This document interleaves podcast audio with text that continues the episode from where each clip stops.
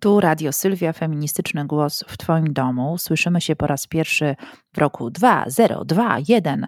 Mamy wobec niego wielkie oczekiwania, ponieważ 2020 spieprzył y, sprawy na wielu frontach. E, jesteśmy zmęczone, zmęczeni, e, nie mamy już sił, e, mamy dość pandemii. Co chwilę wybucha jakaś afera związana ze szczepionkami, a to się ktoś szczepił poza kolejnością, a to się ktoś w ogóle nie chce szczepić, a to komuś zaszczepili chipa i teraz po prostu zamiast Maca ma Windowsa koszmar, e, więc y, pomyślałam sobie, że ten pierwszy odcinek y, nie tylko w nowym roku, ale również w nowym już drugim sezonie e, będzie trochę rozgadany i nie będzie miał głównego tematu, tak jak to jest w przypadku poprzednich odcinków, natomiast będzie włączał Was do zabawy kilka dni temu poprosiłam Was na Facebooku i Instagramie, abyście e, zgłaszały i zgłaszali swoje pytania, bądź też e, tematy kolejnych odcinków i programów Radia Sylwia.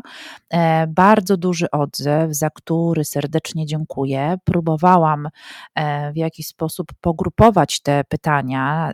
Nie jestem chyba w stanie odpowiedzieć na wszystkie, natomiast wyszło mi, że są takie pytania z kategorii powiedziałabym ogólnej, e, takich dotyczących twórczości i feminizmu oraz bardzo dużo osobistych pytań, co nie znaczy, że wchodzących e, w butach w moje życie prywatne. Absolutnie jesteście e, subtelne i subtelni. Dziękuję Wam za to. No i mnóstwo nowych e, tematów do programów. E, myślę, że część z nich na pewno wykorzystam, no, choćby dlatego, że już wcześniej myślałam właśnie o takich tematach i zagadnieniach Mam więc nadzieję, że w nowym sezonie i w nowym roku podcast Radia Sylwia będzie słuchany chętnie, tak jak do tej pory, a może nawet włączą się nowe osoby, które wcześniej nie słuchały. Bardzo dziękuję wszystkim, którzy wspierają na patronite.pl. E, wy również, podobnie jak Sonia Wolanin z bloga Wiedźma Radzi, czy Patryk Hilewicz z w ogóle Poland oraz wiele, wiele innych osób, możecie wspierać moje działania, w tym Radio Sylwia, w tym LGBT TV. Wystarczy wejść na mój profil Patronite. Dobrze, może teraz, żeby już nie tracić czasu, tymczasem borem lasem, e, przejdę do pytań. E, pozwolicie, że aby skracając, nie będę e, przy każdym z pytań zaznaczała, kto je zadał, chociaż osoby, które brały udział w tej zabawie facebookowej, jedna z nich zostanie wybrana przeze mnie i dostanie prezent niespodziankę. Więc y, tak są oczywiście przekupstwa, bo taki jest ten świat. E, raz jeszcze Wam bardzo dziękuję i przechodzę do pytań z puli ogólne, bo że czuję się trochę jak koło fortuny, a trochę jak wielka gra. E, a może jeden z dziesięciu. Wiecie, że kiedyś, a właściwie chyba kilka razy było nawet tam pytanie e, o kieszonkowy atlas kobiet, e, a nawet byłam w różnego rodzaju krzyżówkach, ale to już jest inna inszość. Jakiś czas temu podesłała mi moja profesorka Małgorzata Szpakowska wyciętą krzyżówkę z wpisanym hasłem chłodnik przez CH. No dobrze. Pytanie ogólne. Z grubej rury, uwaga. Jakie są szanse na normalizację życia w Polsce w najbliższym roku? Uwielbiam to. Jestem teraz wróżbitą Maciejem, Maciejką y, i mówię Wam, że nie ma żadnych szans na normalizację życia w Polsce, y, bo to albo pokolenia muszą się przetoczyć, y, albo jakaś wielka, wielka zmiana i rewolucja, a jak wiemy, one nie zawsze też są dobre. Natomiast proces emancypacji i tak naprawdę wchodzenia w z tematami, które do tej pory były nieobecne w przestrzeni publicznej, to jest, tak jak już powiedziałam, proces, czyli coś, co trwa długo. Nie ma co tutaj liczyć na to, że po prostu rachciach ciach przyjdzie wróżka i po prostu wtłoczy e, wszystkie e, działania, tym bardziej, że część z nich jest e, utopijnych. Mówię o tym ze, z pełną świadomością. Część rzeczy, w które ja wierzę, też jest utopijna i uważam, że to jest świetne, e, bo dzięki temu mam do czego dążyć i jakby to jest taki trochę no tak się mówi, że poprzeczka wysoko zawieszona, więc ta utopia jest dla mnie jakimś takim czymś, do czego ja się wspinam. E, I e, normalizacja no, też dla każdej osoby y, w Polsce i nie tylko inaczej y, ma inną definicję, więc y, trudno byłoby teraz zmienić sytuację społeczną czy polityczną w taki sposób, aby zadowolić wszystkie osoby. No, sorry, nie da się, ale oczywiście na poziomie bardzo, bardzo lokalnym można się starać i e, te utopijne wizje sobie snuć, ale tworzyć też malutkie państewka, państwo w państwie. I to nie jest dlatego, aby Polska została podzielona jeszcze bardziej, tylko żeby mieć większą swobodę w decydowaniu o tym, w jaki sposób chce się żyć. Czyli im mniej takie, wiecie, ryneczki Lidla tworzyć mentalne, to wtedy będzie lepiej. Kolejne pytanie E, serii ogólnych, kiedy upadnie dwójka niefajnych ziomków, patriarchat i kapitalizm. Ej, mówimy im po prostu nara, idźcie se stąd. E, rzeczywiście e, zagadnienie i patriarchatu i kapitalizmu jest warte tego, aby się mu przyjrzeć i trochę jeszcze bardziej rozłożyć je na czynniki pierwsze.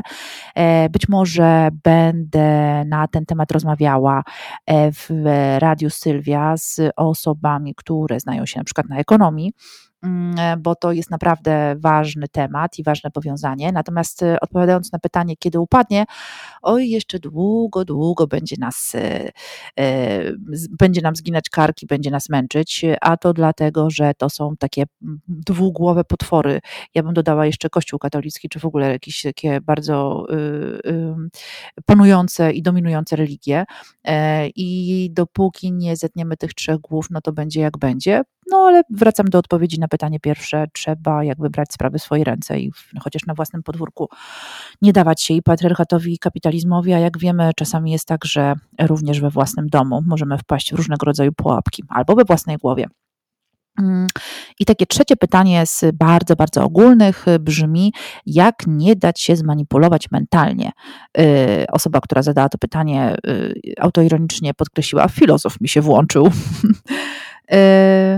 No, ja zostałam wychowana na jakichś takich bardzo prostych przekazach typu Izrael, że w ogóle nie daj się zmanipulować, y, podążaj własną ścieżką i własną drogą. Y, jakkolwiek brzmi to niczym y, coachingowa papka w weekend, to rzeczywiście chyba nie ma innego sposobu. I ja manipulacje jakby na sobie ćwiczę niestety co chwilę tak naprawdę i co i róż ktoś chce mi coś powiedzieć, a jeszcze w czasach fake newsów i researchu z dupy pod tytułem O Jezu, zobaczyłam e, lit, y, kiedy przeglądałam Face'a w kiblu, Boże, to na pewno prawda, koniec świata jest bliski. No więc y, no jakby ta manipulacja postępuje szybciej niż byśmy chciały. E, dlatego też dobrze mieć jakieś takie ABC y, podpięte pod swój kręgosłup moralny, bo dzięki temu można szybko do tego sięgnąć i sobie przypomnieć o tym, e, co tak naprawdę jest dla nas najważniejsze. Natomiast no, ta manipulacja będzie trwała nadal, więc to nie jest tak, że człowiek właśnie pójdzie na, nie wiem, e, terapię albo odkryje własne ja, siedząc w kwiecie lotosu i nara, już koniec, e, tylko to jest tak naprawdę sytuacja, gdzie cały czas na stand-by'u trzeba patrzeć, wypatrywać i filować, czy ktoś przy, przypadkiem nie chce nas e, wrzucić do wora, wór do jeziora i koniec. Więc to chyba jest sytuacja, w której same i sami musimy zadać sobie pytania o to, co tak naprawdę jest dla nas ważne. Nawet nie tyle w co wierzymy, ale, ale w jaki sposób chcemy po prostu przeżyć to życie. No dobrze. E, przechodzimy teraz do puli e, twórczości i feminizmu. E, jak nie tracić twórczej pasji i kreatywności? Pierwsze pytanie. O kreatywności coraz więcej rozmyślam. W czerwcu też prowadziłam dwudniowe warsztaty, które myślę, że wyszły bardzo ciekawie, bo w ogóle proces twórczy jest czymś fascynującym, jak on w nas się uh, nie tylko łączy z nami, ale jak on przebiega, jak nas też zmienia, e, to rzeczywiście są takie ciekawe sytuacje, w których musimy pomyśleć sobie trochę bardziej tak autorefleksyjnie o tym, dlaczego na przykład uwielbiamy robić zdjęcia, no albo czemu jednak cały czas nas te farby gdzieś wzywają.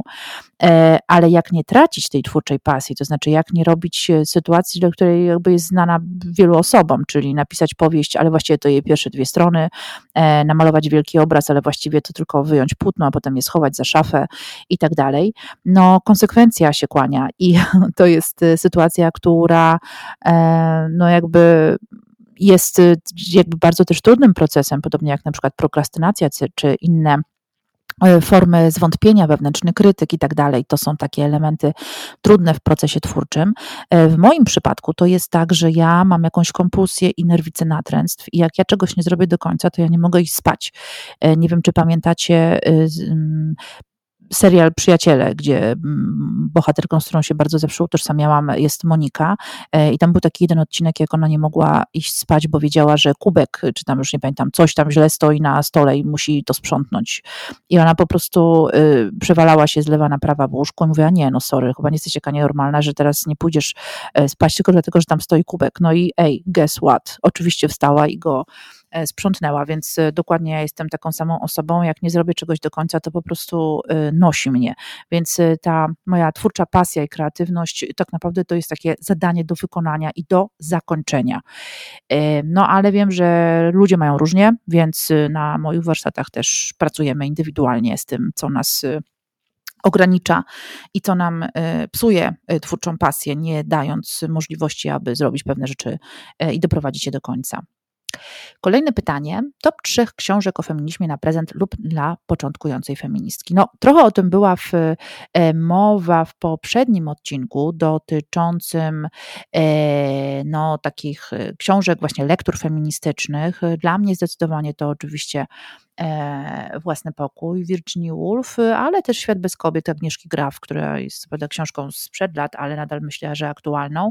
No ostatnio oczywiście Pere, czyli e, e, Kobiety, o tym też mówiłam już w podcaście, więc no w zależności oczywiście od tego, E, co się dzieje to w mojej głowie i co mnie aktualnie interesuje, to te trzy książki o feminizmie są myślę, że, e, że bardzo e, różne. Ostatnio czytałam autobiografię Laury Jane Grace, napisaną wspólnie z Danem Ozim, Trans Wyznania Anarchistki, która zdradziła punk rock, wydawnictwo czarne.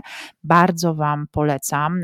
To trochę tak w kontekście dyskusji o osobach trans, o osobach z macicami i kobietami i jakby całej tej awanturze, która się wokół tego dzieje.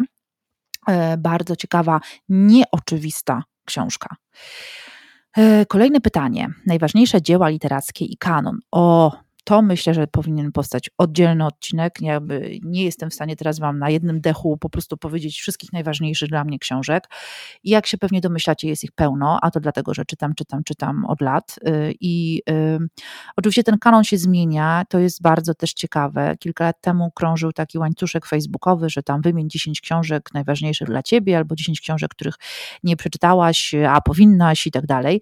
No i te, te, te kanony, te listy się zmieniają. Y, to jest też bardzo ciekawe ciekawe, y, w zależności od tego, w którym momencie życia jesteśmy, po jakie lektury sięgamy, albo które zaczynamy sobie przypominać, e, jeśli chodzi o te lektury, które już y, poznałyśmy i poznaliśmy. Więc e, te kanony pewnie mogłabym tworzyć mniej więcej raz w miesiącu. E, ale tak, wrócę do tego tematu, na pewno być może poświęcę książkom oddzielny odcinek podcastu.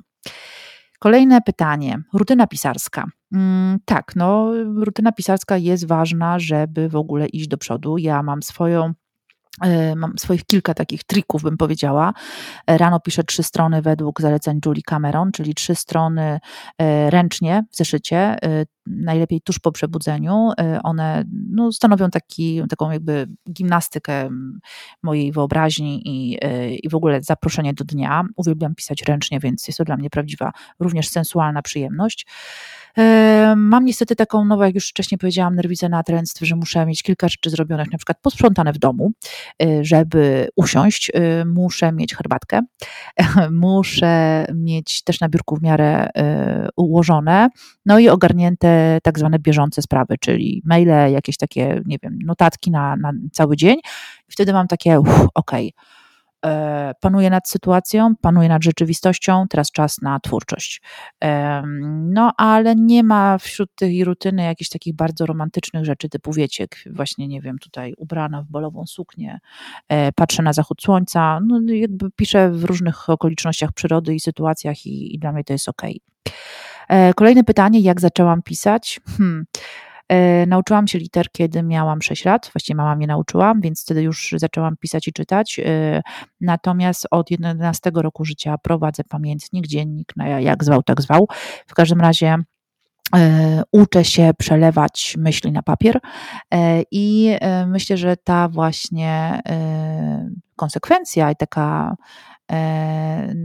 właśnie w pisaniu, ale też takie, taka pewnego rodzaju systematyczność sprawiają, że to pisanie moje się rozwija przez te wszystkie lata. No a debiut literacki w 2008 roku powieścią Kieszonkowy Atlas Kobiet to była praca z końca 2007 roku, kiedy napisałam opowiadanie.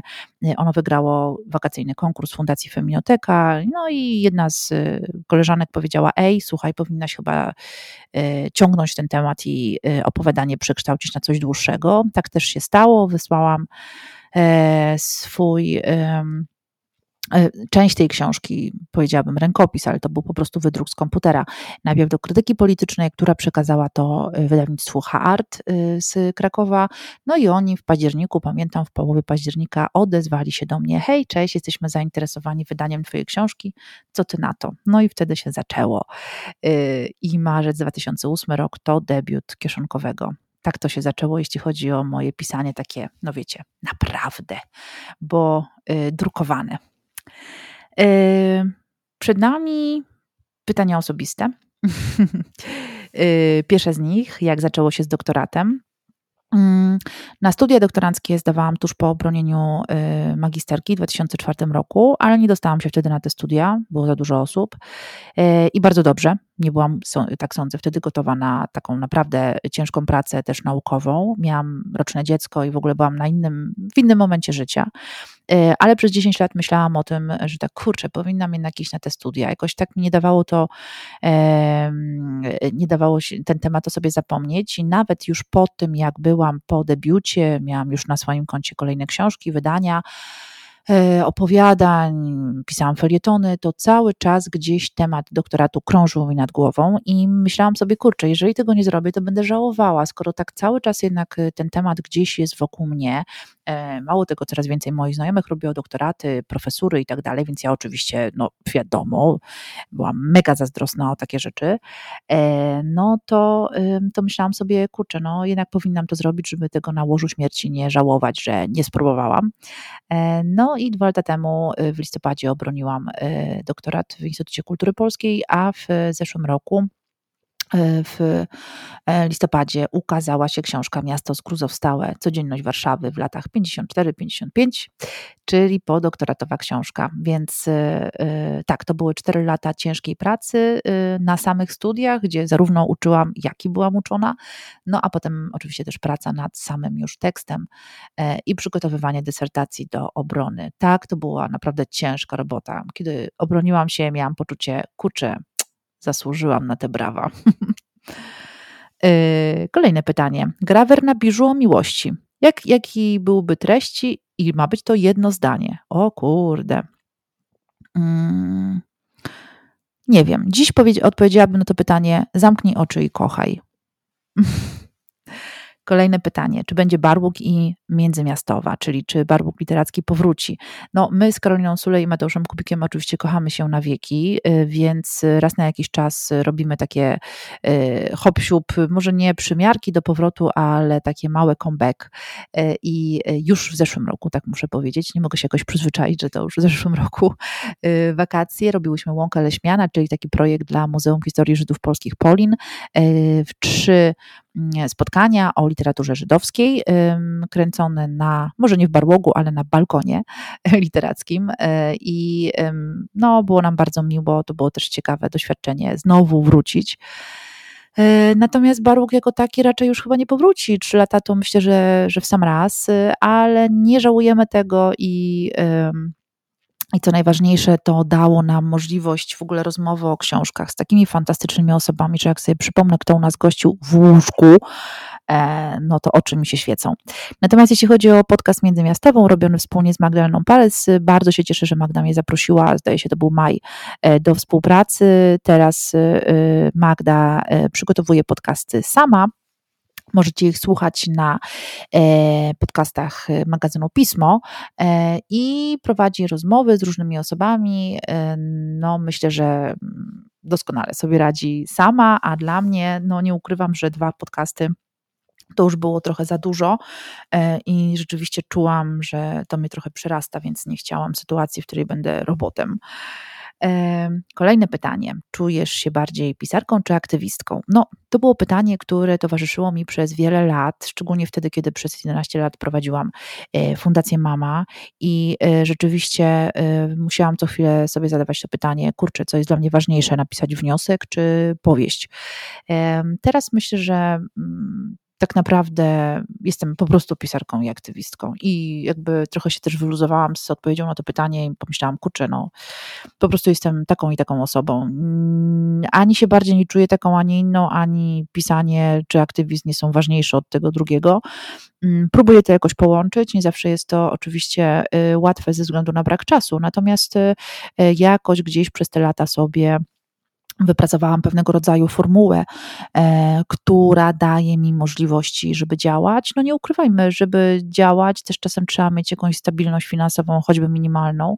Ja ją mam, więc po prostu nie chcę powiedzieć, że stać mnie na działanie, bo nie zawsze tak było, a i tak działałam. Natomiast rzeczywiście daje mi to możliwość e, robienia takich projektów społecznych, które, na które po prostu mam ochotę i, e, i w których czuję się kompetentnie. I kolejne pytanie, co pani daje napęd do działania, skąd energia do ciągłego aktywizmu? No oczywiście wkurzenie i absolutne oburzenie. Ja jestem człowiek oburzenie. Coś słyszę, nie podoba mi się, już od razu zaczynam kwakać i po prostu y, muszę coś z tym zrobić, a że jestem egocentryczna, to wydaje mi się, że zaraz ja rozwiążę ten problem i skoro ja widzę, że coś jest nie tak, to powinno po prostu być to zmienione. Więc y, awanturuję się oczywiście i y, no, nawet wtedy, kiedy chcę sobie wyłączyć ten alarm y, aktywizmu, to on i tak tam cały czas nadaje, a to dlatego, że prędzej czy później jest coś, co po prostu wjeżdża na pełnej K i doprowadza mnie do szału, więc próbuję coś z tym zrobić i no i to dokładnie tak to się kręci od wielu, wielu lat. Kolejne pytanie. Bardzo chętnie bym posłuchała o metaforyzując wszystkich kałużach, w które pani wdepnęła, robiąc różne ważne, odważne kroki naprzód yy, i o tym, co pomaga z nich się otrzepać. Hmm. To pewnie dłuższy temat, bo musiałabym nie tylko wymienić te kałuże, nazwać je, ale też dać im jakiś kontekst. Yy, nie tylko dlaczego one się pojawiły, ale również w którym momencie życia byłam, bo myślę sobie, że tych żyć żyjemy wiele yy, i jakkolwiek patrząc na mnie z boku, można pomyśleć, myśleć, kurczę, jesteś konsekwentna od lat, nie wiem, masz różową grzywkę, yy, zajmujesz się takimi rzeczami, słuchasz takiej, a nie innej muzyki i tak dalej, ale oczywiście ja tych żyć miałam ileś i yy, my trochę tak yy, raz na jakiś czas rzucamy skórę, no chyba, że, że siedzimy w sobie E, i nie dajemy sobie szansy na to, żeby, żeby jakoś zmienić sytuację, w której się znalazłyśmy i w której się dobrze nie czujemy. Ale tych kałuż było oczywiście mnóstwo. E, odpowiem na to pytanie może tak dość ogólnie, ale to były kałuże związane z moim życiem zawodowym, złymi wyborami, z moim życiem aktywistycznym, e, sytuacje, w których zawiodłam, sytuacje, w których nie zachowałam się dobrze, nawet nie wiem, czy nie powiem moralnie, nie byłam z tego zadowolona, absolutnie też nie dumna. To były kałuże, które które też były takie na zasadzie, ok, popełniłam błąd, ale otrzepię się i pójdę dalej, więc powiedzmy mało takie bolesne. E, no i to były też kałuże, w których, e, w których nie wiedziałam, że jestem, to znaczy takie nieświadome. E, a co pomaga, żeby się z nich otrzepać? No czasami nic, to znaczy czasami ja budzę się i czuję jakby, że mam mokre buty nadal po niektórych kałużach, więc no po prostu idę dalej, no nawet jeżeli tam chlupię, ale pff, nie mam innego wyjścia, po prostu trzeba robić swoje i tyle. Yy, kolejne pytanie. Yy, jakich rad udzieliłabyś dwudziestoletniej Sylwii? No, ja pamiętam dokładnie siebie, jak miałam 20 lat, to było 21 lat temu, mm, czyli to jest połowa mojego życia. Yy, I myślę, że bym jakoś bardzo sobie nie radziła, bo ja wtedy chyba nienawidziłam rad, więc chyba bym sobie to oszczędziła. Natomiast yy, z pewnością bym dodała sobie odwagi. Byłam wtedy bardzo nieśmiała, niepewna siebie, nie wiedziałam, czy to, co myślę, jaka jestem, czy to jest ok dla ludzi. Za bardzo na nich patrzyłam, ale to chyba jest taki czas, jak jest się bardzo młodą osobą, że się za bardzo ogląda naokoło. Yy, myślę, że byłabym taką osobą, która dałaby sobie prawo do no, bycia bardziej odważną. I tak byłam, ale chyba jeszcze bardziej bym podkręciła sytuację. Ale nie żałuję siebie z tamtych lat. Dobrze się bawiłam. Y, Zeszłam w ciążę, kiedy miałam 23 lata i to była ciąża planowana, więc no nie, nie, nic, nic bym sobie jakoś tam bardzo nie pozmieniała w życiu. Natomiast rzeczywiście fajnie byłoby, gdybym, mm, gdybym bardziej się odważała na pewne rzeczy i nie otaczała jakimiś toksycznymi ludźmi. Ale to są też sprawy, które trzeba po prostu przejść na własnej skórze, żeby potem tego nie robić i tyle. Mm, kolejne pytanie, jak dotrzymywać słowa sobie samej? No, różne są sposoby. Można napisać, można sobie obiecać, można się zaszantażować, e, można na siebie nawrzeszczeć, e, można siebie słuchać, mm, ale ja zwykle dotrzymuję słowa samej sobie, chociaż nie zawsze mi się udaje w tych sprawach takich naprawdę ostatecznych i bardzo, bardzo trudnych, wymagających dłuższej też pracy nad sobą, psychologicznej i duchowej. Więc raz na jakiś czas przywołuję siebie do porządku, przypominam sobie to, co miałam zrobić. E, I nie chodzi o taką prostą listę things to do, wiecie, zrobić zakupy i posprzątać, tylko tak zrobić jakby ze sobą.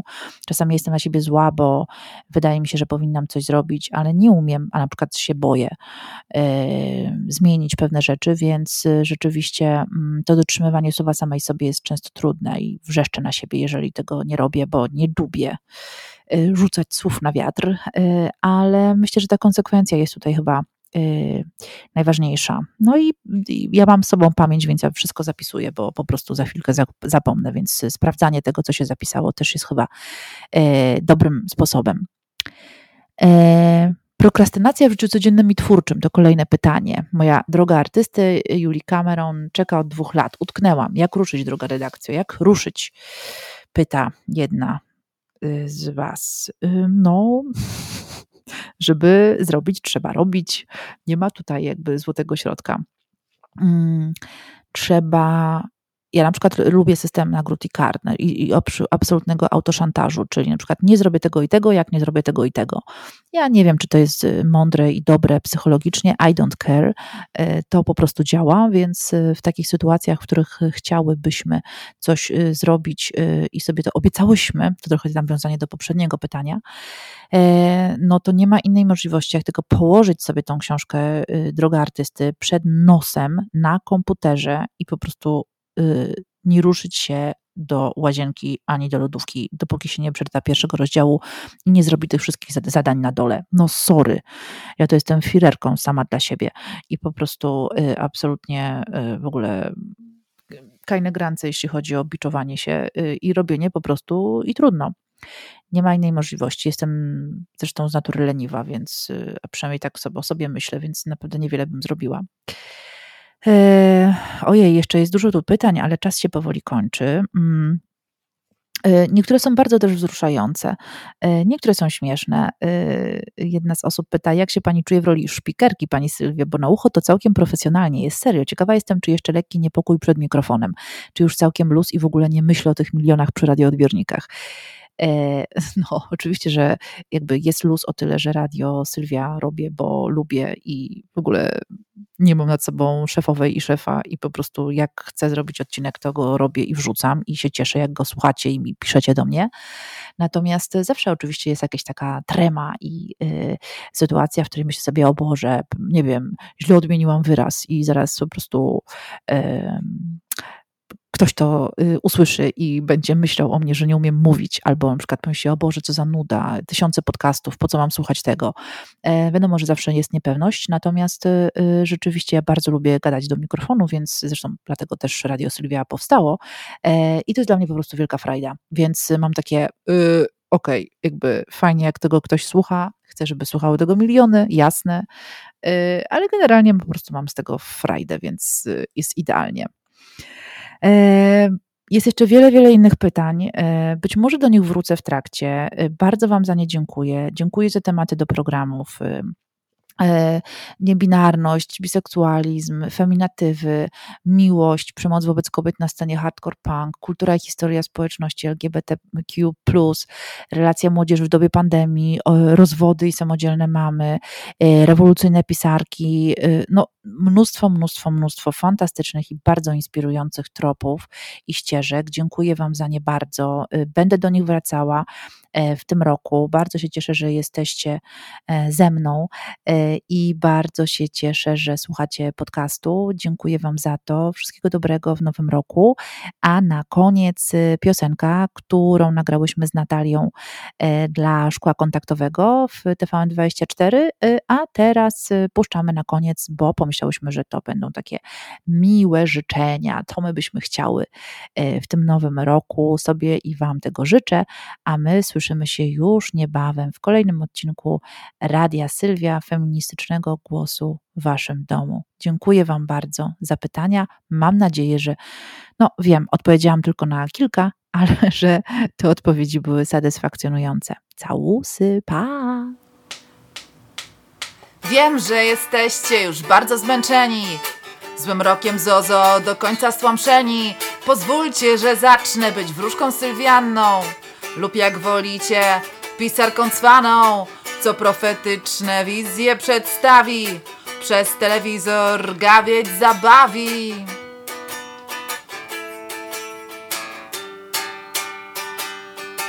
Och, chciałabym, żeby COVID zniknął szybko tak szybko, jak się pojawił, chciałabym, żeby móc się wreszcie bawić. Przytulić wszystkich tych, których lubię w społecznym dystansie. Ciągle się gubię, Mogę podać rękę, czy tylko z daleka? Uśmiechnąć się za maseczki do drugiego człowieka. Chciałabym iść wreszcie z dziewczyną do kina, do teatru i na koncert, potem na kieliszek wina. I żeby jeszcze dziadersi nie mówili, jak mam żyć, gdzie chodzić, kogo kochać, kogo rodzić. Chciałabym móc wreszcie podróżować, patrzeć, widzieć słońce, nie wirusa, wredną paszczę. Chciałabym już nie czuć się taka zmęczona. Od tej smuty ciągle boli mnie głowa. Chciałabym dymisji rządu, tak po prostu spontanicznie trybunału, co do brzędu przyzna się publicznie. Chciałabym spokoju, a nie rozedrgania. Chciałabym dobrych wiadomości do śniadania. Chciałabym, no, chciała. Chciałabym, o, chciała. Chciałabym, o, chciała. Chciałabym, chciała.